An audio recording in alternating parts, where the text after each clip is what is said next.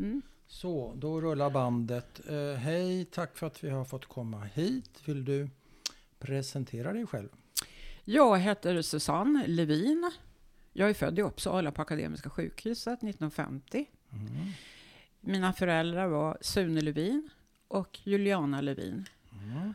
Och jag är här hos dig för att jag ska berätta om hur det är att vara dotter till min mamma Juliana Levin som föddes i Pécs i Ungern Mm. den 8 september 1921. Mm. Och det ligger var någonstans? I, i Ungern. Så. Alltså det sa du ja. Ja. Mm, I Ungern, ja.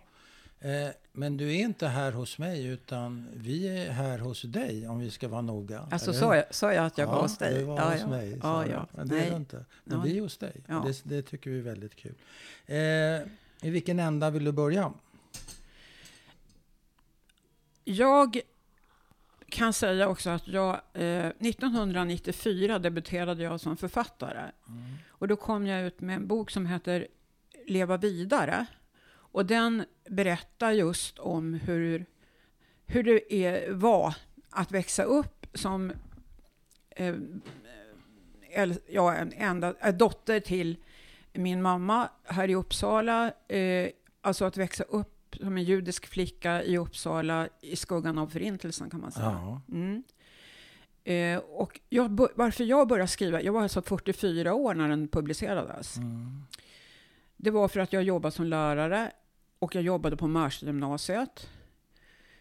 Och det var på 90-talet, då kom ju förintelseförnekarna. Mm. Och det var hakkors i skolan, det var ingen som brydde sig om dem. Det fanns en kille som gick omkring med en tröja som det stod Hitler Tours på. Och jag försökte på något sätt att uppmärksamma skolledningen på det här och det var ingen som lyssnade på mig. Nej. Och eftersom jag alltid har tyckt om att skriva, eller det har varit det uttryckssätt jag har haft, Mm. så började jag skriva. Min dotter hade fått en dator, just det. Mhm. Och då började jag plötsligt skriva och då skrev jag Leva vidare.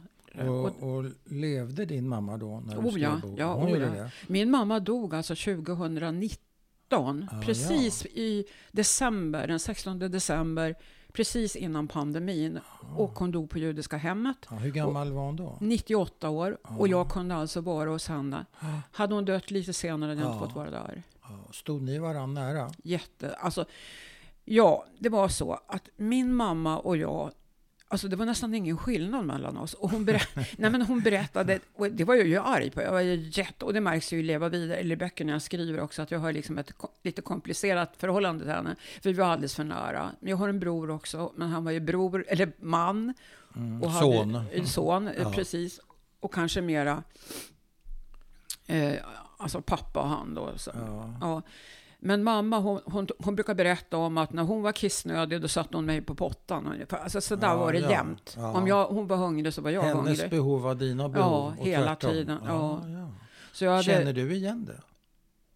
om att jag är likadan med min dotter? Nej, det kan vi komma till sen. Nej, Eh, om du känner igen mammas förhållningssätt till dig? alltså jag, jag, Att det flöt ihop för ja, henne? väldigt. Och när jag började skriva då, alltså jag var skräckslagen att hon skulle dö. Jag tänkte, Ja. då var hon, hon är ju född 21.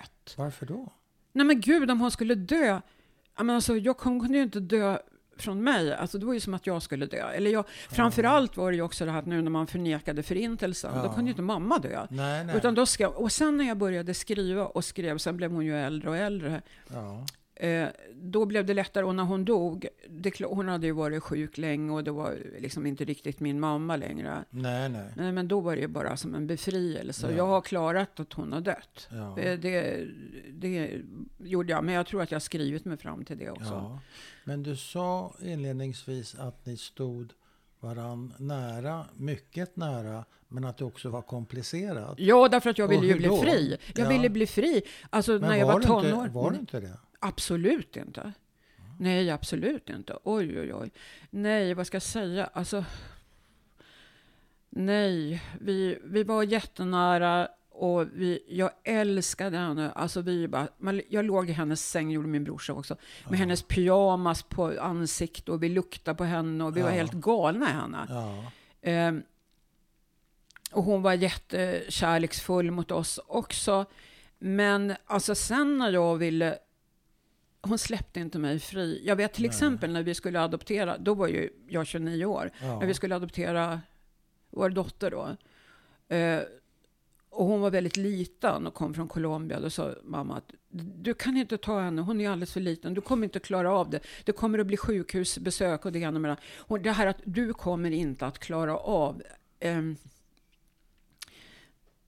det var, jag är jättestark. Hon Ja. trodde inte det. Nej. Nej, alltså jag vet inte, det var ju mamma med. Hon var också jättestark Ja. såklart. Hon har ju överlevt. Ja. Men hon överbeskyddade mig väldigt. Ja. Och det, alltså, det är så mycket som jag skulle kunna säga om det. Jag, till exempel när jag Ja, hade... gör det. En, ja, nej, men en kille som jag hade då. Som jag, Ja. jag var ju liksom väldigt öppen va, mot mamma. Jag berättade ju Ja. allting. Ja, det också. Allting. Ja. Kröp in i hennes säng, berättade alla hemligheter, Ja. allting.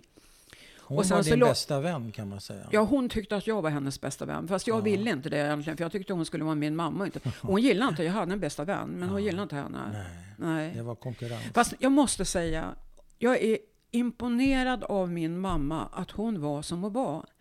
Jag var ju arg på henne när, vi växt, när jag växte upp, just för att hon skulle begränsa mig på olika sätt. Hon ville till exempel att jag skulle gå och dansa, att jag skulle eh, dansa ballett. Hon tyckte jag var som en elefantbebis, jag var alldeles klumpig. Och det här att jag skrev och sånt, det var pappa mest tyckte det var bra och fint och läste upp mina dikter och sånt där. Men Mamma ville att jag skulle vara vacker. Alltså hon var ju från Österrike, Ungern. Alltså Ja. du vet så här, det skulle vara fina kläder. Mormor var alltså sömmerska. Mamma var sömmerska också. Ja, men de kom inte från rik, en rik familj? Nej, på absolut inte. Nej, Nej. inte alls. Inte, på inte något alls. vis. Eh, men det var ju det här ytliga. Färga håret, vara smal. Ja, sny, alltså traditionell kvinnliga Ja, värderingar. jag var inte kvinnlig, särskilt Nej. kvinnlig. Ibland, hon har sagt, till och med sagt att jag var som en man, för hon märkte att jag hade lite intresse av män. Det skulle man inte ha. Jag tyckte... ja. Jaha, Ja. att, du, att du kunde ta initiativ Nej, som ja, tjej? nej, men hon märkte vad? att jag var sexuellt intresserad. Ja, jag, jag var väldigt tidig. Jag var i puberteten jättetidigt. Ja, och hon det Nej, nej, nej, nej, nej, hon var livrädd. Vad gjorde hon åt det då? Ja, hon skrek och hade sen när jag fick mens och blev skiträdd. Men i alla fall, Vänta, när, vänta, när jag skulle vänta, ligga... Vänta, Jo, vänta. ja. Vad skriker hon då? Åh nej, du har blivit stor! Och då bestämde jag, inte då kanske, men när min dotter fick mens, Ja. då, då, jag sa så här, du kommer få mens. För då såg jag på henne, på hennes kropp, att det skulle hon Ja, snart få. ja. För det kan man ju se. ja. Men mamma gick till doktorn med mig. Att det var något fel, men det var ju lite konstigt, för jag hade inte ens fyllt tio år. Jag var väldigt tidig. Men när, när jag såg att min dotter skulle få mens, då sa jag till henne, du kommer att få mens. Och hon är ju, har ju så kallad funktionsvariation. Mm. Eller hon Din säger, dotter? Min dotter, ja. Ja. Alltså hon är ju förståndshandikappad. Ja. Lite grann. Eller ja, det är hon verkligen. Eh, men då sa jag att, till henne att när du får mens, då ska du få en present. För då har du blivit stor, då blir Ja, du kvinna. ja. Så kommer hon hem en dag och säger, mamma vad är presenten? Jag har blod! Ja. och det är en sån himla skillnad. Ja. Ja. Eh, men var det var, fint. ja, det, det, det var för att jag hade hört en annan flicka, eller kvinna berätta om sin mamma, att hon hade gjort så. Men Ja. min mamma, för henne var det en katastrof. Ja. Och när jag ville ligga över, eller gjorde ju det också hos en kille, då skulle de skicka polisen dit. Men alltså det kan jag på ett sätt förstå idag. Varför då? Ja, det var väl inte precis den ultimata killen. Och den som vill veta något om det kan läsa Skriver dig till liv igen. Ja. Och vad var det för fel på den killen? Han var bög. Jaha. Fast eh, Och du var intresserad av honom? Ja, Eller alltså som jag- en kompis? han och jag var ju jätteförtjusta i varandra. Han var antagligen lite både Bi och. kanske? Ja, kanske Ja. lite så. Jag vet inte. Så mamma ville skicka polisen på den här Eh, pojken? pappa framförallt också. Alltså pappa? Ja, både pappa och mamma. Jag, Men är pappa ett ögonblick, är han också överlevare, pappa? nej, han är ju född i Uppsala. Han är född i Uppsala, Min pa- judisk eh, pappa. Ja, om Ja. honom handlar Suggan i domen. Ja, Okej. min bok Jag som jag har skrivit. Ja, du Ja. har skrivit många böcker, men nu, nu ägnar vi oss åt din berättar, berättarkonst. Ja, du- men du alltså, då kan jag säga du måste dig berätta saker. Jo, men det är det jag gör. Jag Ja, kan det säga det att det här gör. är en podd som ska handla om andra generationer. Alltså det jag har gjort. Jag började med Leva vidare 94. Ja. Sen skrev jag fem, jag skrev fem berättelser. Och alltihopa handlar om att vara en överlevande judisk flicka Ja. egentligen i, i Uppsala. Ja. Jag hade en fråga om den här polisincidenten. Kom det någon polisbil och hämtade dig? eller Nej, nej, nej, de Nej. ringde aldrig De efter hotade, mig. Ja, de hotade, men jag stannade över. Du stannade Men kvar? i efterhand så kan jag tänka så här. Det var väl ovanligt dumt. Det var så här, Av vem? Jo, vänta. Det som var dumt var att jag gjorde det, att jag låg över. Det var så här, förstår du, att jag var en präktig, duktig flicka i skolan, kämpade så jag fick ont i magen för att få bra Ja. betyg, för då blev pappa jätteglad. Ja. Mamma tycker inte jag verkar bry sig så mycket, men pappa han jublade. Han hade Ja. inte lyckats så bra i skolan. Nej. Och han, han var otroligt kärleksfull mot mig. Men han blev bara, jag vet inte om han var, han kanske inte var så lycklig människa. Och efteråt har jag tänkt att han måste ha haft det ganska jobbigt att vara gift med mamma som var en överlevande. På vilket sätt eh, märker du det, tycker du, som barn? Ja. Han, fly, Tänker, han flydde... tänker du så långt? Nej, det är inte förrän vuxen. Ja. Han, han eh, flydde ut, han satt i timmar och fiskade till exempel. Ja. Eh, Ensam eller med Ja, ensam, ensam. Ensam. ute på sjön. Och han, Ja. var en väldigt, han var en naturälskare och jag är Ja. lik honom. Det är jag som är lik honom. Och det här, jag tror att han hade det här lite vemodiga draget eh, också som, som jag. Men Men drack han också, pappa? absolut inte. Han, var, han drack ingenting. Min pappa drack inte. alls. Nej. Aldrig. Nej. Nej, nej, Det var nej. ingen sprit inblandad? Ingen sprit När han satt alls. och fiskade timmar ut nej, och timmar nej, alltså min pappa drack inte. Och det berodde på, det är samma som jag, alltså vi tål inte att dricka. Nej, vad bra. han, han spydde så att det gick inte. Nej, det var Det är väl någon sån där japansk historia, Ja, inte det vet kan det jag. vara. Mm. Men du sa någonting, och det kan ha varit samma kille, men det kan vara en annan. För du skulle börja berätta om eh, mammas vilja att kontrollera dig. Att, och då skulle du börja berätta Jo, men jag kan- om en kille. Ja, men det, jag kan Och det säga om... kanske inte var han. Jo då, det var, alltså det var alla, men i och för sig... Hur många det, hade du? Ja, tyst med det. Jag ska säga det. Den, den, nej, men det var ju så här, Ja. inte förrän jag började skriva, eller nej, vänta, ska vi, när kom den då? 2003 kom ju min, eh, den här Skriver dig till liv igen, min bok. Ja. Och när jag hade skrivit den, då insåg jag ju, alltså mamma har ju sagt att jag inte var kär i honom. Det var jag visst det. Jag var visst kär i honom och jag tror att han, han var väldigt förtjust, men jag vet att han var, han dog i aids sen. Ja. Men alltså han Det var, är den här bi, bisexuella ja, pojken. killen, jättebegåvad, jätte, ja, mycket, ja, men spelar ingen roll. I alla Men fall, vad vill du berätta vidare om det här? Jag förstår inte riktigt. När du började skriva, förstod du vad då? att jag hade älskat honom. Fast mamma hade det? sagt att jag inte gjorde det, såklart. Att det var inbildning. Och det var först när du skrev Ja. som du fick fatt på det? Ja, Oj. Jag har skrivit mig fram till att förstå en massa Ja. saker. Och det är jag nog inte ensam om, det är nog fler författare som Ja. gör det. Ja, ja, jag tycker när, jag- när jag skrev Leva vidare så förstod jag, men titta den här flickan som det här handlar om, hon har ju inte så mycket skuld. Jag hade ju väldigt mycket skuldkänslor gentemot min mamma. Vad hade du skuldkänslor för? För att jag var dum och bråkade och skrek att hon var en jävla idiot och att jag ville fly därifrån. Jag ska aldrig bli som dig, skrev jag. Jag kommer aldrig bli som du. Aldrig i livet. Hur gammal är du då? Ja, det vet jag. Det kanske började när jag var 12, eller inte vet jag. Men jag Så var, du var ju rätt så utagerande kan man Ja, säga. väldigt. Jag är väldigt... Eh, jag har ju väldigt mycket, liksom, det har jag ju idag också, aggressioner. Det är bra att släppa ut dem, akta det för mig du. Oj då, Mm. tur att jag sitter på andra sidan. Ja, det är nog väldigt tur. Men, Nej, ja. men rymde du sådär också? Nej, så var jag Nej. inte. Nej, nej. Jag var du mycket, mycket ordentlig flicka. ja, ja. Jag gick inte ens och dansade för jag tyckte, klarade inte av att inte bli uppbjuden. Nej, jag var jätte... Jag satt och läste, skrev dagbok. Ja. Vem var din eh, första kille som du var seriöst förtjust i då? Efter den här... Jag ska berätta, ja, då kan jag berätta om vilka jag varit kär i. Ja. Jag blev så kär i den killen som kom till min klass i tvåan. Jag undrar om han kommer att höra det här nu, jag Ja. hoppas det. Han är nämligen också ett överlevandes barn. Ja, ja. Det kom en liten pojke till våran klass som hette Jakob. Han kom till Nannaskolan och han hade lockigt hår och en någon pullover eller vad det var. Och han luktade på ett speciellt sätt och jag blev så förtjust i honom. När han satt i mitt knä, det är ju helt koko, jag var dubbelt så lång som han var. ja. Han var liten och rund och jag ville bara pussa honom och jag luktade på hans hår. Då slog mitt hjärta så där som det gör när man blir kär Ja, på, ja, som vuxen. snabbt. Jag var så kär i honom. Och det här är andra klass? Ja, eller tredje. Ja, jag var kär i honom ganska länge. Wow. Mm. Var det besvarat? Nej. Det var det inte, fast jag tror att jag betydde någonting för honom. Ja. Det tror jag. Och vi gick tillsammans i Han skolan lät dig senare. eh, honom i, i ditt knä i alla fall. Så att, Ja, men det var inte så konstigt. Vi var ju små då. Alltså, ja, vet ja, jag. ja, ja. Ja. Men i alla fall, så det var han. Mm. Och sen efter honom, och vad var det? det är min stora, stora kärlek, mitt livs kärlek, det var ju min fransklärare. för, då kanske du börjar förstå vad jag är för sorts människa. Nej, Alltså jag var, berätta. ja, men alltså jag var är det för trett- sorts människa? 13 år och blev jättekär i min Men det är väl rätt så fransklärare. typiskt? Ja, Jag kände ingen annan som har varit så kär, Inte? möjligen Edith Södergran. Ja. Men vad heter det, alltså på avstånd. Men Ja. jag var faktiskt kär i honom. Alltså jag kände ju inte honom, men jag blev alltså, jag höll på att svimma när jag såg honom. Och, så. ja. och sen var det väl någon annan totalt galen typ. Som min pappa sa att om du gifter dig med honom, då kommer jag aldrig sätta min fot. Och du behöver inte fråga något mer om det. Jag bara säger så. Ja, okej, han är borta ur läkaren. Sen träffade jag faktiskt min man. Mm. Blivande man.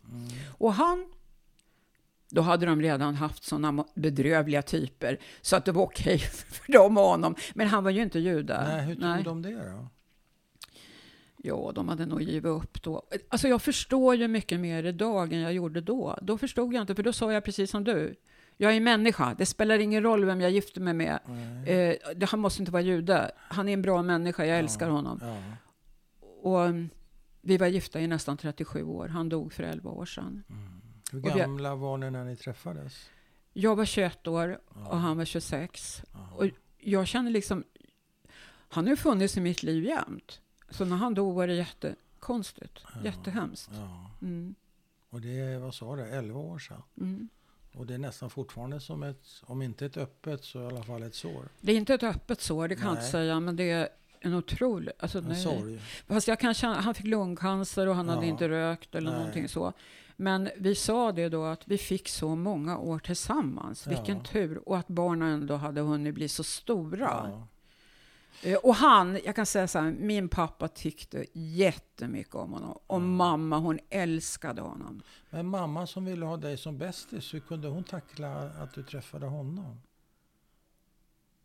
Ja, men han, det vet jag inte, men alltså han, han var jättegullig mot henne. Ja, men han, accepterade han, tyckte om, han tyckte om mina föräldrar jättemycket Ja. och hade liksom inte något... Nej, de var bara... Nej, han gillade dem jätte... Och de, Ja. så småningom så kom de till att gilla hon. Och min pappa sa, du är fantastisk som står ut med henne. Om mig alltså. Och det kan ju vara sant. Det tror inte jag han var den enda som tyckte. Han var lugn och fin och försynt och jag var ju helt hetsig. Så att det, ja, men det blev bra. Men, men när du växte upp, kände du dig annorlunda då? Eller ingick Ja, in, alltid. Alltid annorlunda? Ja, det ska Och jag varför? berätta. Ja, jag ska berätta. När vi kom till Judiska föreningen, Ja. för där gick vi ju då på helger och så, Ja, då kände jag mig alltid annorlunda för att jag hade rakt hår och det var lite brunt och inte svart. Och dessutom så pratade jag svenska och det, det Inte kändes som att jag hade svenska föräldrar. Vi hade, alltså jag hade en farfar Ja, som levde då och vi bodde hos farfar på Linnégatan i Uppsala. Eh, och pappa var från Sverige. Mm. Och det kändes som att pappa var ju svensk. Han var ju svensk. Och min faster och farbror och sådär också. Så i judiska föreningen, då kände jag mig så svensk. Ja. Men när jag inte var i judiska Ja. föreningen, då kände jag mig inte svensk. Nej, då var du inte hemma där heller. Nej. Och det, jag, jag, I klassen så, men jag lärde mig på något vis att tackla det där fast jag var liten. Jag visste vad man fick säga och inte säga i skolan. Ja, hur då? Ja, men det var till exempel, det har jag berättat om Vi leva vidare. Där står det, är vid ett tillfälle, det kommer jag aldrig glömma, alltså, vi sitter i klassen och fröken frågar vad man kan göra med en, med en köttkvarn. Mm. Och en liten knubbig tjej räcker upp handen och säger gefilte fish. Jaha. Och då så, uh, tänkte jag, hon är inte klok. Det kan man väl inte säga. Så jag räcker upp handen och säger köttbull, köttfärs till köttbullar. Så här på rasten sen så sa jag, hör du, är du jude? Jag frågade henne. Ja. Nej, min pappa är från Spanien. Men Det visade sig att hennes mamma var judinna. Hon visste inte om att hon var judinna själv. Nej. Men hon, hon gjorde fel. Hon Men- sa fel. Och, Men för dig var det att gå över en gräns? Ja. det var det. Men jag var befriad från kristendomsundervisningen. Det var jag i skolan. Mm. Det som var problemet det var ju att maten, det var en mardröm för mig att äta den där maten i skolan. Och det tycker jag är jättetråkigt att inte mina föräldrar kunde ha ordnat. För jag hade ju aldrig ätit pölsa eller Nej. sådana där saker. Jag åt inte heller. Alltså, Nej. till slut bara satt jag där och vägrade äta och då var jag ett problem och det Ja. tyckte jag var jättejobbigt. Ja. Ehm, Men sen, sen ville jag vara med på kristendomsundervisning för jag Ja. tyckte faktiskt att det var roligt. Och jag gick på eh, judiska skolor, alltså på torsdagarna Var det tillsammans på, rä- på rällen då? Ja, med, jag, med Jakob. Ja. Jakob och jag gick Ja. dit. Ja. Men vad hade ni för någon mathushållning hemma? Var det kosher eller var det bara traditionell ungersk mat? Eller Nej, nej. När, när vi bodde med farfar, det gjorde vi tills jag var nio år. Då fick det inte förekomma någonting annat än, eh, ja, alltså kosher, men jag har aldrig någonting. Alltså ingen leverpastej från Nej, affären och inga nej. prinskorvar från saluhallen och så. Nej. Men när vi flyttade sen så kunde, mamma hade ju varit med om att svälta. Hon brydde sig inte så mycket faktiskt. Det kunde hända att hon gick på stan och köpte frallor och leverpastej och vi älskade det åt vi det. Och prinskorv åt vi också. Ja. På, Men sta, all- på stan, inte hemma? Jo, hemma, och Hemma då också. när vi bodde för oss utan farfar. Ja. Farfar var ju, i farfars familj, där var det ju mera, ja men det var nog kosher. Jag kommer ihåg paket med kosherkorv som kom till oss Ja. från Stockholm. Jaha. Gud så gott. Ja. Det minns jag när jag var liten. Ja. Mm. Vad är ditt första minne? Överhuvudtaget, Mm. det vet jag inte. Det har jag inga, jag kan inte Har du något tidigt? Alltså jag har ju tidiga minnen när jag fick min bror. Ja. Hur många år är det mellan er? Två år och åtta månader. Men det är ett tidigt minne. Vad kommer du ihåg från det? Ja, men alltså en av dem, var flera saker, då var han ju lite äldre, men det var när han hade ramlat i trappan och mamma skyllde på mig. Oj. att det var han, att jag hade Ja. gjort att han, Jag hade nämligen klätt på honom en massa kläder, Ja. för jag tyckte han var som en docka, så jag klädde på honom och då trillade han i trappan. Och då var det ditt fel? Ja, det var mitt fel. Hon var ganska bra att skylla på, på mig för olika saker, det var hon och jag. Alltså hon var inte, alla tyckte hon var jättesnäll, hon var försynt. Det är intressant med min mamma. Hon var en mycket mild och försynt person. Eh, och pappa var väldigt bullrig och jag var också bråkig. Ja. När min mamma blev gammal på judiska hemmet, då var hon för jävlig rent ut sagt. Hon var så elak. Och hon var inte alls, eh, hon var inte dement. Men hon var, blev personlighetsförändrad. Hon, hon blev mycket mer eh, liksom ut, utåt elak då. Och visade liksom, hon var jättearg på folk som inte kunde prata svenska ordentligt. Men det förstår jag, för hon hörde inte så bra, så hon Nej, hörde ju inte nej. vad de sa heller. Men hon rättade dem hela tiden. Och hon kom alltså 45 eh, från Bergen-Belsen. Hon blev befriad där alltså, 45? Ja, då var hon nästan död. Ja. Hon vägde 25 kilo. Ja, skinn och ben. Ja. Men Och hon... kommer de med, med de vita bussarna? Nej, det kan hon inte ha gjort faktiskt. Jag vet inte om hon... Hon vet ju inte vad hon kom med. Nej. Hon har sagt att hon kom med tåg. Och det, alltså någonting med tåg till Lübeck, eller från Ja, Lübeck. Ja. Och då på, den, på det tåget fanns en kvinna som hette Marianne som hjälpte henne. Eh, och hon var också sjuk. Men sen när de kom till Trelleborg, när kom de? Ja, sen kom de till Norrköping. De kom, så, men de kom till Trelleborg och sen så kom de till Norrköping. Och där matade Marianne henne, annars hade mamma dött. Hon orkade inte Kände hålla... de varandra? Nej, men de lärde känna varandra på, på tåget. Och de hade ju kontakt ända tills Marianne begick självmord. För hon var en sån som inte klarade av att leva efter. Nej. Och mamma sa att det var för att hon förnekade att hon var judinna. Hon gifte sig med en svensk för att bli svensk och fick svensk namn. Hon, jag tror hon adopterades av en svensk kvinna också.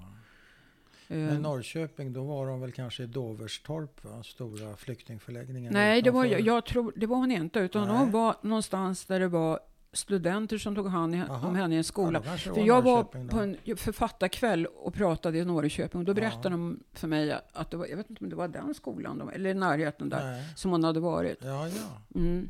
Så att, eh, och sen så kom hon till, efter det kom hon till Lövsta bruk.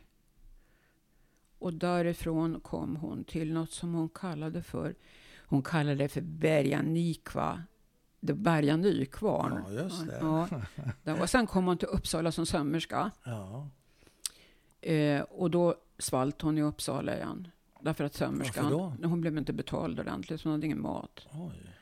Och då var det en annan sömmerska där som gav henne, eh, nej som sa att du kan bo hos mig och vi ska jobba på fabriken. Så då kom de på Söderbergs fabrik, Ja. kappfabrik. Men mamma var utbildad sömmerska hemifrån Ungern, i, Ja. i min mormors ateljé. Hon Ja. var så duktig sömmerska.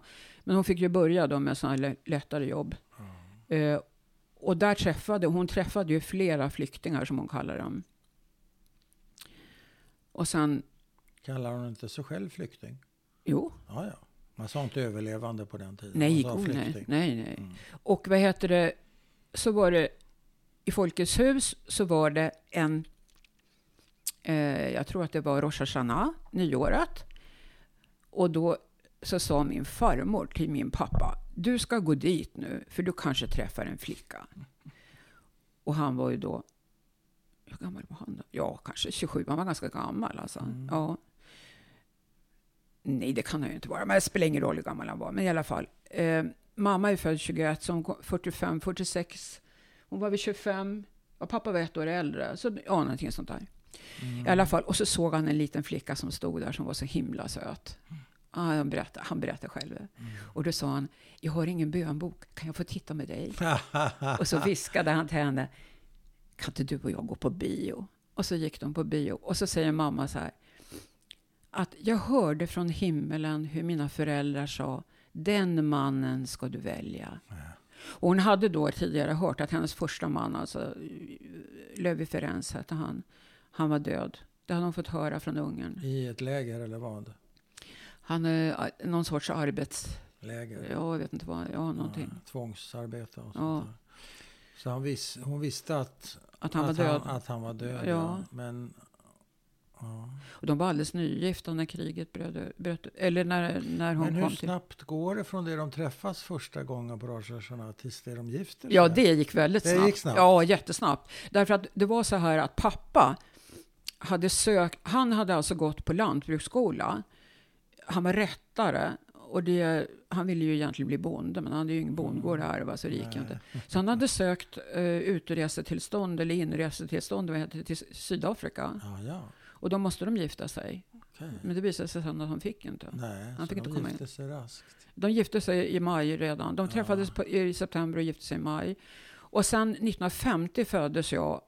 Och då reste han med Maccabiaden Ja, ja. eh, i två må- eller en eller två månader till Ja. Israel, vilket mamma tyckte var astaskigt eftersom Ja. jag var nyfödd. var nyfödd. Och kommer tillbaka och är helt galen och ska utvandra. Okej. Såklart. Och det ville inte mamma. Stökigt. Mamma ville inte det. Jag orkar inte, sa hon, för att det, det, det är säkert inte, finns inte mjölk, det finns inte det. det, inte. Nej, det var ju tufft där på den tiden. Ja, men han var alldeles Han var sionist. Han var Nej, han, ja, och Hugo Valentin hade ju föreläsningar i Uppsala. Här i som, Uppsala, ja, mm. och pappa gick och lyssnade på Ja. ja. han, ja. och, så, och Valentin sa ju, precis en sån man som du är. Ja, Med den utbildningen Ja. som behöver vi i Israel. Men var du ett efterlängtat barn? Ja, det är såklart. De väntade nu i två år innan jag kom. ja. Absolut. Gud, ja. Och då levde min farmor. Åh, hon var så lycklig. Fast min pappa lär ha sagt på BB att jag var väldigt ful. Och då blev mamma jätteledsen och sa att hon inte ville komma hem. Men hon hade, det var svårt för henne. Det var en svår förlossning. Jaha, Mm. Det gick mycket bättre med min brorsa. Ja. Men man kan ju vara rätt så ful som nyfödd. Fast oftast tycker man ju inte det som förälder lustigt nog. Hur fula- Ja, men jag var ful. Ja, men som förälder brukar man ju inte mamma riktigt... tyckte, tyck, ja, men bara det att man är liksom... Pappa måste ju varit lite blå bakom flöt. Alltså jag var ju, hade ju armar och ben och jag var, Ja, jag jag, menar vad ska jag, jag var tångförlöst förresten. Mm. Och att jag blev lite konstig i skallen, det kanske berodde på det. Nej, Mm. det tror jag inte. Men eh, vad, vad är mammas berättelse i korthet? Alltså hur, hur kommer hon från det hon föds? Och Ja, jag kan berätta om min mamma. och Absolut. Sådär, Ja, så att ja. vi kan få med det också. Ja, absolut. Min mamma föddes i staden Pécs i Ungern. Och jag har varit där. Jag har skrivit en bok som heter Tillbaka till Kirajutsa. Då var mamma och jag där. Mm. Eh, och hon föddes... Alltså så här. Hennes mamma, mormor, min mormor, hon heter Louisa. Och jag heter Louise efter henne. Eh, och hon var äldst av jättemånga barn. Och när hennes mamma dog i barnsäng med en av tvillingarna, hon fick tvillingar och hon dog, då fick hon ta, Louisa ta hand om de här barnen. Så när hon träffar min morfar som heter Sandor, då säger hon att hon vill inte ha några barn. För det räcker bra. Och hon har det. De är väl inte så stora heller då. Ja, sådär. Men så kommer i alla fall lilla Juliana som kallades för Nanna och Jutsi, min mamma alltså. Mm. Och min morfar var fullständigt, alltså det har mamma berättat om hur otroligt underbar han var. Medan mormor var ganska sträng, hon var en kvinna som arbetade mycket. Hon hade ju egen syateljé med flickor som var anställda. Mm. Och hon arbetade och arbetade på natten och lagade mat på dagen. Mamma brukar säga att jag är lik henne. Det här med att hålla på och laga massa mat ja. och grejer. Ja. Och liksom hålla på med grejer så här mycket. Mm. Eh, Och hon var inte alls så här, liksom, vad jag förstår så var inte min mormor så där väldigt eh, ömsint. Eh, men mamma vill inte säga ett ont ord om sina Nej, föräldrar. nej. Och då hon sa så här, när min mamma ville slå mig, då tog jag hennes händer och kysste dem. Och då, då förstår du, då fick jag ett utbrott. Du, du är klok, det är sinnessjukt. Det kan man väl inte göra, skrek jag. Men inte förstod jag att det här var, alltså det var ju, de hade ju mina, alltså mormor och morfar hade ju gått, de gick ju till gasning. Alltså det här var ju fruktansvärt, liksom, och minnet av föräldrarna var ju bara, det fick inte vara Nej, det negativt. skulle vara ljust. Hon var enda barnet. När eh, reagerar du så där starkt? Hur gammal är du då? Så det här är Ja, det vet jag inte, men det, alltså, det var ju tidigt. Det var, det var Ja. äckligt tycker jag. Kyssa sin mammas händer när hon ska slå en, det är ju inte Alltså, normalt. Inte? Usch. Nej, fy Fabian. Fortfarande? Ja, det tycker jag. Ja. Absolut. Tycker inte du det? Nej. Om, om min... Nej, lägg av! Eh, det, nej, det skulle jag aldrig i livet göra. Nej. Ja, men, aj, oj, vänta. Men i alla fall. Sen så eh, träffar min mamma, när hon är 15 år, så träffar hon en, en man som är fem år äldre. Ja. Och han är super jätteortodox. Mina, Ja. så, mina mm, mammas föräldrar var inte liberala kanske, men de var inte alls, de hade inte skilt mjölk och kött och så Nej, va? nej. Men eh, den här mannen, han var väldigt, väldigt ortodox. Och min morfar var inte så förtjust i att mamma skulle gifta sig med honom, men det Nej. gjorde hon i alla fall. Ja. Och hon var väldigt ung när de förlovade sig och sådär. Och mina morföräldrar var tvungna att göra om hela sitt hem så att det Oj. skulle bli kosher. ja. Och så gifte de sig och det gjorde de i mars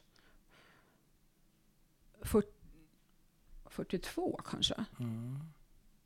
Ja, det kan stämma. Då var mamma 21 år. Ja. Mm. Men äktenskapet, det blev inte så mycket så för att det var... Alltså han var mycket inkallad och det var... Och de fick inte, hon blev inte med barn, de fick inga barn. Det, det, det vågade de väl inte skaffa heller, jag vet inte hur de gjorde. Och, och Nej. ibland sa han att, att det var kosher att ha sex och ibland att det inte var det, inte vet Ja. jag. Men i alla fall. Jag vet inte hur pass ly lycklig hon var med honom, men hon sa ju i alla fall att hon inte var det. Nej. Men sen tycker jag när hon blev äldre, då pratade hon mer om honom. Ja, ja. Han försvann i alla fall. Ja, sen så i alla fall, lilla mamma hon, hon eh, kom då till Auschwitz. I, Hur, hur maj. då? Var det något getto emellan? Eller var det ja, rakt det var ett getto i Perch. Ja, det, var, det blev Ja, ett getto där först. Det är ett get- ett getto vid tågstationen Ja, i, Perch. Och sen deportation Ja, till- direkt till Auschwitz. Ja, inte direkt, men Nej, efter no- några, någon- några månader. eh, Ja, ja, men när de eh, väl satte sig på tåget ja. så var ja, det ja, direkt ja, till. ja, ja. Och vilka var med henne då? På tåget? Hennes föräldrar. Och, Hennes och moster, åtminstone en moster. Mm. Eh, och så kom de till Auschwitz och då var den här selektionen och då gick mormor och morfar direkt till gasning. Ja. Fast det visste hon ju inte. Nej, nej. Men moster och hon, de kom till arbetsläger. Ja. Sen har hon ju haft ganska suddiga, alltså det var ju inte så att hon är så detaljminnen direkt. Nej. Men sen har hon, hon kom till Bergen-Belsen i alla fall. ja, och där befrias hon. Ja, det, det, det, det, vänta, i Auschwitz, hon, nej, hon berättar att hon arbetar på en ammunitionsfabrik Mm. Och att man kunde få såna här vet du, stickor i fötterna och därför hennes moster gav henne sina egna skor för att inte hon skulle få något i fötterna. Och hennes moster gav henne sin, sitt bröd därför att hon sa att jag kan, om, de visste ju inte att mormor och morfar var döda. Nej. Jag kommer aldrig kunna komma tillbaka till din mamma och du är död. Du måste ha det här. Ja, ja. Och sen berättar mamma, och det här, den här filmen vi har gjort, det blev Våra mödrar. Ja. Där berättar mamma det här också. Och sen så säger hon, och sen dog hon i mina armar, säger hon. Hon Syrran. hette Anna. Anna. Hon var moster till, till, eh, moster till min mamma. Hon var moster, förlåt. Mm. Nej, men min mamma hade inga syskon. Hon var Nej. enda barnet. Var Men enda mostrarna betyder ju jättemycket. Ja, hon dör Och- i hennes armar. Ja, och sen var mamma ensam. Och så kom hon till Bergen-Belsen och där fanns ingen mat alls. Nej, Och då nej, berättade hon att hon hittade, vad, vad betydde befrielsen för henne? Jo, potatisskal. Ja. Då kunde man få potatisskal. Och hon har berättat om en rutten purjolök och hon har berättat om ett, ett heter det, eh, äppelskrutt. Det var så hon berättade för oss. Va? Då, då förstod hon, hon, sa, hon talade inte om liksom att det låg döda överallt. Nej. Hon sa, men hon talade om att man var så hungrig så man eh, var glad för ett äppelskrutt eller en rutten purjolök. Och då, liksom, man kan ju, Sen kan det ju mala i skallen. Ja. Men det dröjde länge innan jag förstod, ganska väldigt länge faktiskt, tills jag kanske var i 25-årsåldern, Ja. när jag såg något program på TV, när jag såg alla de här liken som skottades bort. Då började jag förstå först, för hon har ju inte berättat det på det sättet. Eh, hon har liksom inte berättat. Ställde du några frågor då till henne? När du sett den där? Nej, jag vill inte höra, alltså det där vill inte jag höra om. Det vill du inte. Nej. Varför- Men hon, bru- varför däremot, hon brukade berätta för min man om att hon, hon brukar säga så här, eller hon sa, eller om hon sa så här, åh gud jag hade såna hemska drömmar i natt. Och då frågar jag aldrig, vad drömde du? Nej. Jag vill inte veta det. Eh, men, men det frågar nog inte min man heller. Men han sa till mig att du förstår väl vad hon drömde. Han var, han var faktiskt underbar. Han, han var väl, och hon visste det. Och han jobbade med biverkningar av mediciner. Så fort det var någon medicin så frågade hon honom. Och Ja. han var så mild och god mot henne. Ehm, Men, men Blev, blev du inte nyfiken på hennes drömmar? Och, nej, du är inte klok. Alltså, varför skulle jag bli det? Nej, men då har du inte förstått. Nu ska jag förklara för dig att jag vill inte ha med henne att göra. Jag vill inte vara som min mamma. Jag vill inte ha lidit som hon. Förstår du inte det? Nej. Jag, det, jag kan inte vara den, ensa, den enda som har känt så. Nej, jag vill säkert i- inte. nej, därför att min mamma hade lidit. Jag vill inte lida. Nej. Eh, Hon sa till mig, åh du ska dansa och vara glad och sjunga. Ja, men jag ja. var ju inte den typen. Jag var ju ändå en sån här grubblande typ. Ja. Ja. Men alltså jag vill verkligen inte ha så mycket med min mamma att göra så att jag blir identisk med hennes eh, erfarenheter Det från var för förintelsen. nära inpå alltså. Alltså det är, alldeles, det är alldeles för nära. Det är Ja, jättejobbigt. Ja. Eh, Men, men, men det förstår jag. Eftersom du beskrev det tidigare som att ni var så väldigt tajta. ja, men vi var ju det. så Vi fanns var ju det ingen riktig Det fanns ingen gräns emellan. Ingen, ja, Nej, jag fattar det. och Men, papp, men pappa sa, när jag var dum då och bråkade och hade mig, så sa han, din mor har lidit så mycket. Han var ju också jädrigt psykologisk. Du ska inte, tänk på vad hon, ska han säga förresten, för han var väl inte alltid så jäkla schysst heller. nej. Men det är inte så lätt att leva med någon som har varit med om det hon har varit med. För det Säger är ju pappa. faktiskt en, jag säger det nu, säger det är nu. ju faktiskt en människospillra. Jag tror inte att jag förstod det förrän Nej. senare. Men vad sa pappa till dig då? Att du borde... Nej, men för det första så sa min pappa till mamma när jag var sju år innan jag började skolan att hon måste berätta. Och så att jag skulle veta när jag började skolan. Jaha, varför då? Jag det hade han i och för sig rätt i, så att man visste liksom och, att jag var... Jag måste ju ha vetat att jag var judinna, men jag vet... Min faste berättade för mig om Jesus Ja. innan jag började skolan. Det var en himla tur, för det fanns någon som inte visste vem Jesus var. Det var väldigt pinsamt. Ehm, ja, det vet jag inte. Men alltså, Nej. hon sa ju då att mormor och morfar dog i kriget. Ja. Hon berättar ju inte liksom. Jag tycker hon var duktig. De var nog bra duktiga av mina föräldrar på att berätta lagom Ja. mycket för barn. Ja. Inte för mycket, men det här med äpplen och purjolök och du vet, och potatisskal, alltså det var ju katastrof. Mm. Och hur hon blev skild från sina föräldrar. Men eh, hade hon några trauman? Du säger att hon var en spillra. Hur, Ja. hur, yttrar det sig? Ja, till exempel- alltså Ja. ur, ur, dina, Ja, ur ditt perspektiv? Ja, absolut. Ur, ur allas perspektiv. De var fantastiska på judiska hemmet där mamma bodde. För de, de visste. Hon var livrädd för, var, för varmt vatten, att det skulle bli för varmt vatten när hon duschade. Hon var rädd när de duschade henne. Lukter var hon livrädd för. Äckliga lukter, flugor. Och jag var nog ganska mycket så med lukter också när jag var liten. Ja. För hon var ju så, väldigt mycket så. Då. Vad var det för lukter? Ja, allt med skit, bajs och Ja, eh, snusk. Ja, Ja, Smuts? ja, precis. Hon var väldigt renlig. Ja. Det var hon. Så att hon tvättade sig flera gånger om dagen? Nej, eller? nej, Ingen gjorde hon, nej, det gjorde hon inte. Men hon, Vad hade hon för några... man, skulle tvätta sig, man skulle tvätta sig, men det är väl bra? Ja, det är bra. Ja. Vad hade hon för mardrömmar? Fick du reda på Nej, det men jag någon fick gång? ju inte det. Nej, var, jag jag vet. jag men fick ens, du nej! senare i livet kanske reda på det? Skrek hon? Hundar och, och, och... Hon var ju jätterädd för hundar. Ja. Ehm, och sen vi skaffade hund när jag var i 40, 38 år sedan. Ja. Och först gillade hon inte det, men sådär, alltså jo men hon kunde vara, jag tror att det gick över lite grann och vi Mm. hade snälla hundar och så. Mm. Nej. Men jag tycker vi lämnar det där. Mm. Mm. Däremot vill jag gärna... Varför då? Därför att jag, det här med mardrömmarna kan vi glömma. Jag ska läsa en sak för dig. Mm. Varsågod. Tillbaka till Kirajutsa. Det är en bok som jag skrev sen min mamma och jag hade gjort en resa. Den enda resan jag var, eh, gjorde till Ungern med henne. Mamma var tillbaka till Ungern ensam faktiskt, 66 tror jag. Mm. Men det här är alltså 97. Mm. Och då har vi kommit till den staden där min mamma var född och där hon levde. Och vi går fram då, äntligen hittar vi då den porten där hon bodde. Mm. På Kirajutsa som betyder kung, Kungsgatan. Mm. När jag vidrör porten glider den genast upp. Öppningen är stor nog att samtidigt släppa igenom oss båda. Gården verkar mindre än jag minns, men det hjälps inte. Det är här. Vi, vi bodde där uppe tillsammans. Rester av den första scenläggningen finns kvar. Den är grön av ålder. Jag sätter mig på huk och rör vid stenarna. Även om husen är nya så har det vuxit fram över gammal grund. Och trädet, det står där det stod. Mitt på gården. Denna gång utan blommor, men med fåglar bland löven. Längs med husväggarna blommar pelargonier, morskatli, och rosorna är mörkt, mörkt röda. Här fyllde din mormor gåsens kräva med majs, säger mamma och ler. Mormor spelar flygel, tonerna välde ut, jag svängde min kjol så här. En pojke kom för att hämta sin tvätt. Mormor spelade och jag var 16 år. Det var en väldigt trevlig pojke och tonerna, tonerna var mycket vackra. Den röst som talar är så ung. Jag hör hur den sjunger, känner hur den ropar. Så länge jag lever kan den inte dö. Den har ju sin klanglåda i mig.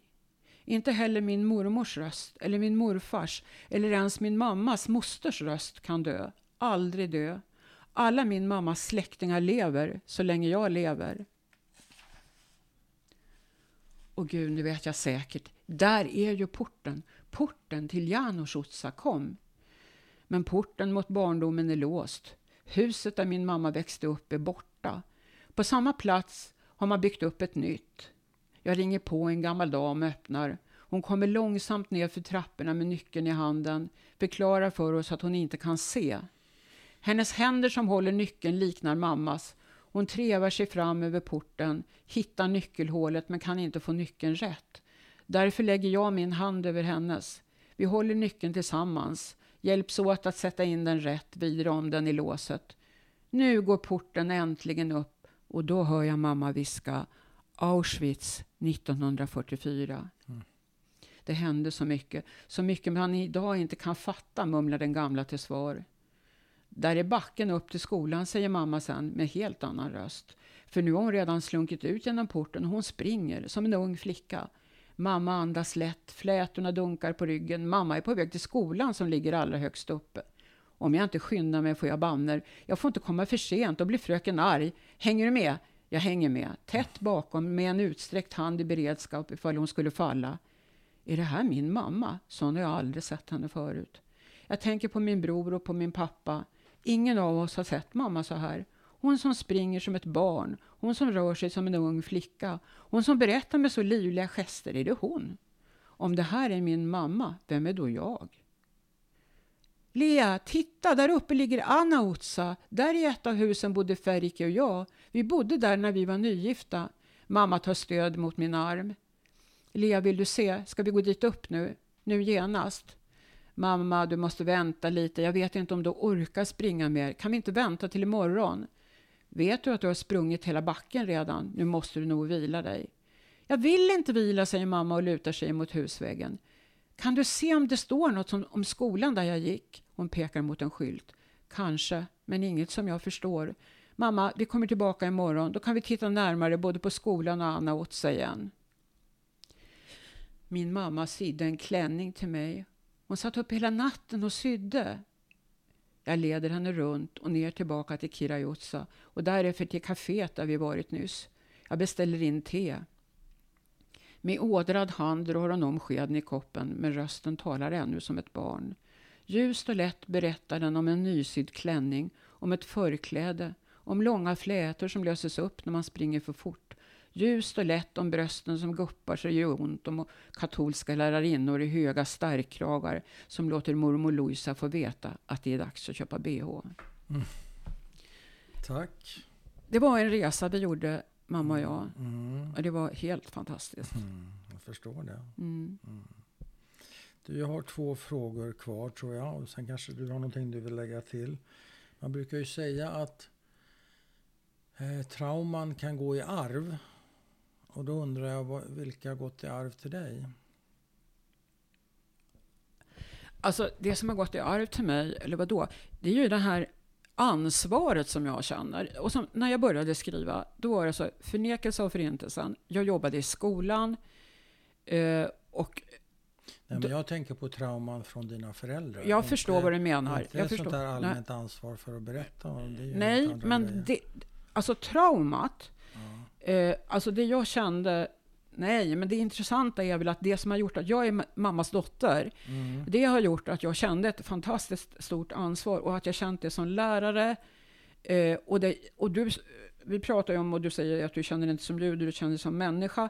Och jag, för mig var det så här att det är ingen som ska få gå igenom det som judar har fått gå igenom. Och jag hade bara arabiska elever och ja, inte bara arabiska, men alltså det fanns inga judiska elever på Märsta Nej, gymnasiet nej, överhuvudtaget. Men det fanns en väldigt stor främlingsfientlighet, bevara Sverige svenskt och så vidare. Ja. Och det hela, alltså mitt uppdrag, på grund av att jag var den jag var, med Men- det men det bagaget. Är det här ett trauma? Nej, men jag vill, jag får, inte, får inte jag säga det här? Jo, jag vill gärna säga det först. Men jag ska säga det först. Ett trauma, om jag... Okej, jag är inte alls klar. Om du tror att jag är färdig efter det här så har du helt fel. För jag har inte berättat det viktigaste. Okej. Okej, det ska, men jag ska bara säga det. Det jag gjorde, hela det här ansvaret, och jag har ju känt under så många år. Och det var från 1990 ungefär var det här, eller 94 kom ju boken. Ända tills jag slutade jobba 2013.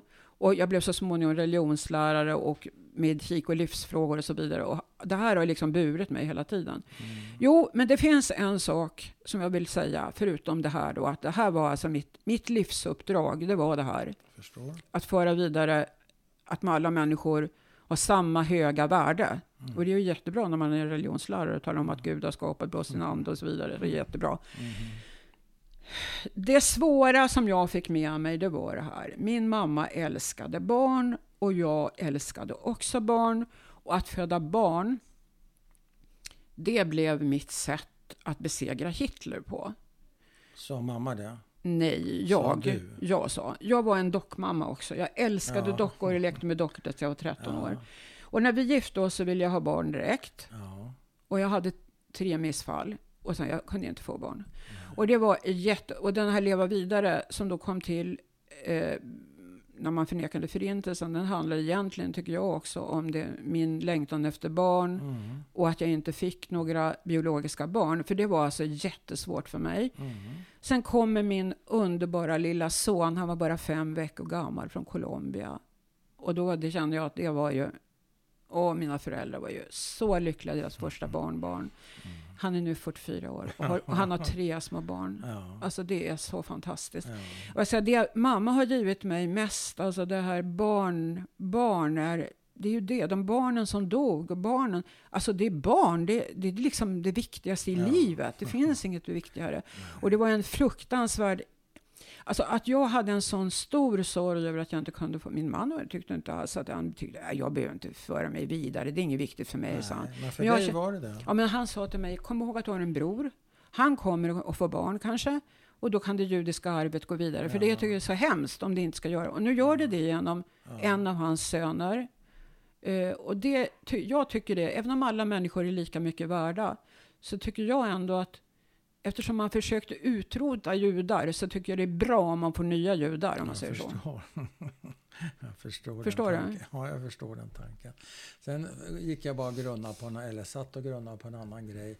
Jag kanske är helt ute och cyklar, men din relation eller dynamiken i din familj, var du, kände du dig eh, undanskuffad när din bror kommer? Va? Inte ett dugg. Inte alls så? Nej. För du fick ju lite skäll för när det hände, när det gick Ja, ja, ja, nej, Men nej. Så, så blev det inte? Nej, jag var ju den som var duktig i skolan. Ja. Okej, han var, han, först var han inte så duktig, men sen blev han Nej. superduktig på idrott. Ja, ja. Nej, de har inte... Och vet du, min son sa så här, men mamma förstår inte du att morfar, han älskar dig mest och mormor, hon älskar Peter mest. Ja. Man behöver bara titta på mormor hur hon, hon ser på Peter. Ja, det, det spelar ingen roll vad han gör, han är bara åh, hennes son liksom. Men pappa, Det förstod din son alltså? ja, det såg kunde- han. Han, Han, kunde såg det. läsa det? Han Ja. kunde se det ganska tidigt faktiskt. Och det hade inte jag tänkt på. Nej. Jag hade aldrig tänkt på det. Men jag kände, fast jag kände mig väldigt älskad under min växt, uppväxt, eh, tror jag. Kanske inte ändå, jag vet inte. Jag, vet, ja, Vad är det du säger nu? Ja, men alltså, jag tyckte aldrig att jag dög. Det var väl nog så. Jag hade väldigt höga krav på mig själv. Ja, men Ja. Det, det är väl också... Och var här- kom det ifrån? Ja, men det är väl kanske ett arv av att man måste vara... Det sa pappa, kom ihåg det. Du måste vara duktigare än de andra. Du är jude, du måste vara duktig, du måste visa att du är duktig. Ja, Ja, det hjälpte ju i Tyskland. ja jag vet. Men så tänkte... Så tänkte inte han. Nej, och mamma sa det inte ens en gång. Nej. Men du kände att du inte riktigt dög? Var det så du uttryckte det? Eller? Ja, det känner jag väl jämt. Men Ja, jag Men det träffade- kommer ju någonstans ifrån. Jag kanske inte gjorde det. Jag, kanske, sen gick, alltså jag, var, jag fick ju jobba jättemycket för att bli duktig i skolan. Sen gifte jag mig med en man som hade två fingrar i kors. Han, han hade bra betyg ändå, Ja, han var ja. jävligt smart, så han, Ja. han pluggade inte, men det, det blev liksom... Men han hade inte alls det här drivet som jag. Nej, Om man tittar på Fröken Julie, med den ena som klättrar upp, det, Jean, som vill, och Fröken Julie bara hoppar ner. Ja, ungefär som vi två. Ja. Alltså jag bara... Och han, han sa till mig, varför tror du att alla vill, att du måste säga så mycket saker så att alla ska lyssna liksom? Varför tror du att det är så viktigt? Jo, men det tror jag. jag tror, jo, men det, det måste ju vara någonting från min uppväxt, att jag tror att jag har någonting att berätta. Annars skulle jag inte ha skrivit, annars skulle jag inte ha hållit föredrag. Nej. Jag har någonting. Jag har, jo, och sen som mamma sa ju också så här, anledningen till att jag överlevde, det var ju att jag, för att jag skulle få er. Ja, just det. Och då kunde jag ju också känna, om det var det, vad är då meningen med mitt liv? Och det har jag ju grubblat väldigt mycket Ja. över. Vad har du kommit fram till? Jag tror meningen med mitt liv, eh, tänker jag, det är att jag skulle, eh, alltså det är mina barn. Att jag skulle ta mina barn, men det är också mina böcker. Och också det att jag jobbade som lärare, för jag vet att det betyder mycket för några stycken i alla fall. Mm. Eh, Jag, tycker, jag är nöjd med mitt liv. Det Mm. blev mycket bättre än jag hade trott. Och sen fick jag ha en man, vi älskade varandra och, och det trodde jag nog inte att, vi skulle, att jag skulle få ett så bra liv. Det trodde jag inte faktiskt. Mm. Fast nu, tycker jag, nu känns det pyton. För jag skulle gärna vilja träffa någon ny. Om Mm. du känner någon ska du skicka hit den. Det Jag tycker det är det vi- Det uttråkigt. ska vi ordna. Jag gör det. Nej, men det är så tråkigt. Mm. Eh, inte tråkigt. Det tycker jag kanske inte att det är. Det fel ord. Ja, men det är väl kanske tråkigt att vara ensam, eller? Det är otäckt. Jag skulle vilja ha någon Det som kunde liksom finnas, så jag kunde finnas för den och den skulle finnas för Mm. mig. Och så kunde man liksom jobba tillsammans tills man dör. Ja. Men det är ju inte allom givet, det är det Nej, verkligen Men det är inte. en dröm man kan ha. Man kan ha det, att man kan liksom massera varandras onda ben eller ja, det, och man ser gamla människor tillsammans. ja. Och då kan jag ju känna att jag förstod inte, jag skulle ha varit tacksammare medan han levde sådär. Men Men du alltså, låter ju väldigt uppskattande och tacksam när du pratar om det nu. Ja, jag älskade verkligen honom. Han var en fantastisk pappa. Han var inte alls sugen på att skaffa barn, men han blev en mycket bättre pappa än jag som hade längtat så mycket. Jag bara, vet jag, be- bråkar och har med hela tiden. Men, ja, men nu Varför är jag, är du så bråkig för då? inte vet jag, det är för mycket kaos i skallen. Är det? Ja. Ja, ja, det är nog lite rörigt i huvudet. Och jag som sagt var blev ju tångförlöst, så att det kanske blev någonting då. Men var mamma, eh, åt mamma mycket mediciner och grejer? Var inte det- alls. Inte alls? Nej. Åt ingenting? Nej, ja, det gjorde hon ju. Alltså, ja, blodtryckssänkande och sådana Ja, där saker, men ja. inte, nå- inte något psyk. Inga psykgrejer? Nej, och det, det, det vill jag verkligen poängtera. Min mamma var stark psykiskt, måste Ja. jag säga.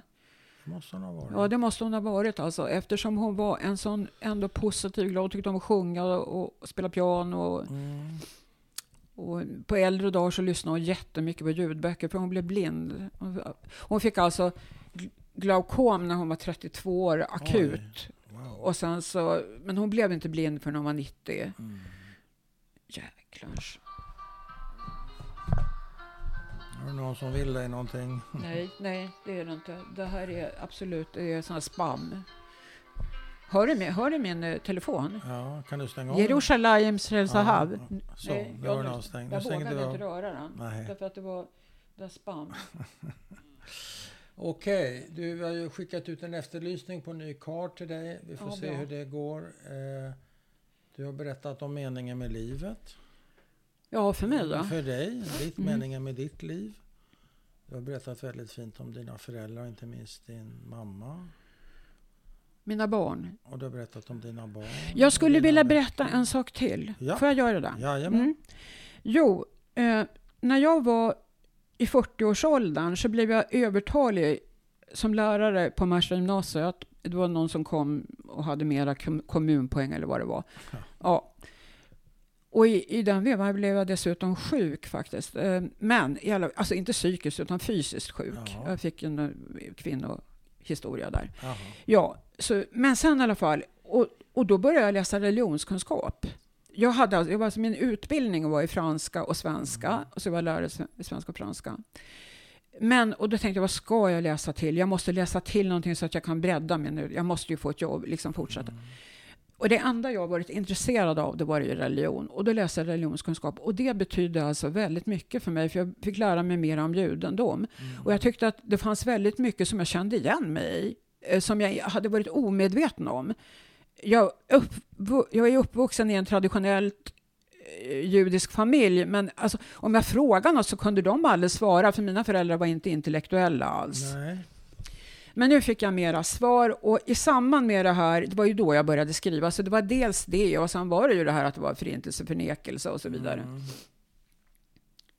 Eh, och sen, då blev det så här, så kände jag att jag ville, nu har jag läst Göran Rosenbergs bok, Mm. eh, Marcus Ehrenpreis, Rabbi Ehrenpreis obesvarade kärlek. Och jag kände igen så mycket, för jag kämpade så för att få relationer med muslimer, med eh, kristna. Jag ville att man skulle förstå det judiska, alltså vi skulle ha ett utbyte med varandra. Och jag, jag var med i föreningar i alla möjliga sammanhang faktiskt, många olika. Mm. Men så småningom så blev jag väldigt besviken. Och jag kan känna igen det här, liksom allt, fast hans jobb, alltså, jag kan inte jämföra med min Marcus Ehrenpreis, det kan jag inte göra. Men i det lilla kan jag göra det, Ja, förstår det- du? ja, Ja. förstår.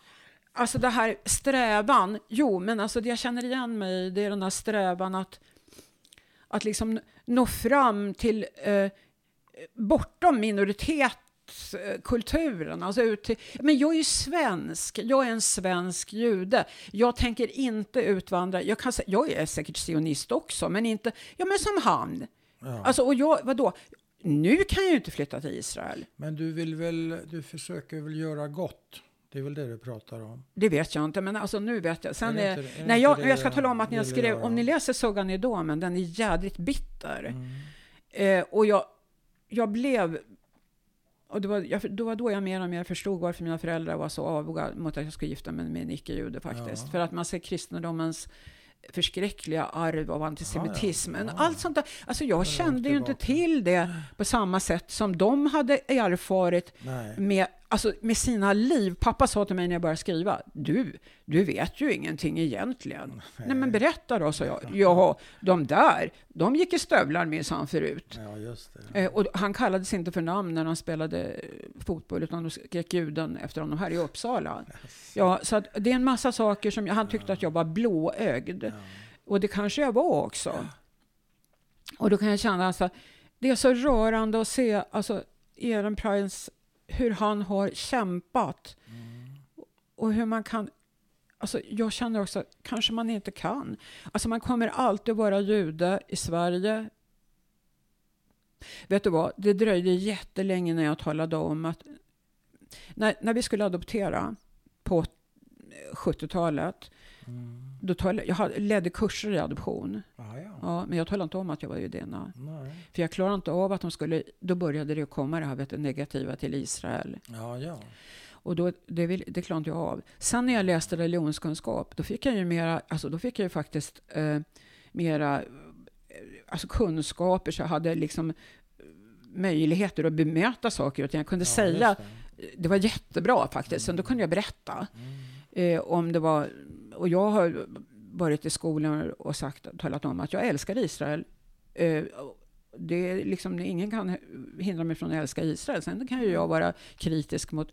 Alltså, men ingenting av det där vågade jag säga Det förut. jag förstår. Ja. Och jag har alltid gått med Davids stjärna. Det tror jag att jag har gjort jämt, även när jag var Det liten gör du fortfarande. Ja, jag har den jämt. Ja, ja. Mina elever ty- tyckte att det var läskigt att jag, hade, att jag, att jag vågade ha den. Men, ja. Men jag skulle säga Okej. det. Ja, vi eh, eh, men nu har jag på något vis... Jag vill inte att det ska vara slut kanske. Nej, men jag har givit upp. Jag, jag har nog givit upp. eh, att det ska kunna gå att ha någon dialog kanske, jag vet inte. Men som jag sa till dig förut, seniorluncher på Judiska föreningen i Uppsala, det är min, Ja. min grej nu. Ja. Men, eh, men dialog eh, finns alltid Jag har ingen lust. dialog. Jag har ingen lust Nej, längre. men det är ju en annan sak. Nej, men det är ju därför jag är det besviken. Ja, jag Ja. Jag känner mig besviken, det blir inget bra. Nej. Jag har blivit det så bra. lurad på något sätt. Är du bitter? Ja, lite så är jag Då faktiskt. är det, det är ingen bra utgångspunkt. Nej, och det är inget bra avslut på det här. Jo, det är ett jättebra avslut. Tycker du? Ja, varje avslut är bra. Okej. Jag tycker det här har varit jätte, eh, rätt så omtumlande. Du sa ju från början att du var bra på att snacka och det är du. Men det har också varit eh, intressant och kul och omtumlande. Och, Men det här handlar ju alltså om överlevandes barn och jag vill säga det återigen. Jag tycker min mamma har varit en jag har fantastisk redan tagit liten... ordet, i, ordet ifrån dig. Du får inte säga något. mer. Nej, nej, jag, jag ville bara säga det. Ja, du får säga hon är det. begravd här på Judiska begravningsplatsen. Ja, i Och- Uppsala? Ja, och ja, Ja. vi har en Ja, be- begravningsplats här. Men det, Mm. den kan ni se om när ni åker Mm. härifrån sen. Ja, det är ju kul att gå på en begravningsplats. Lilla mamma. Mm. Tack så mycket för att du ville berätta din historia. Tack.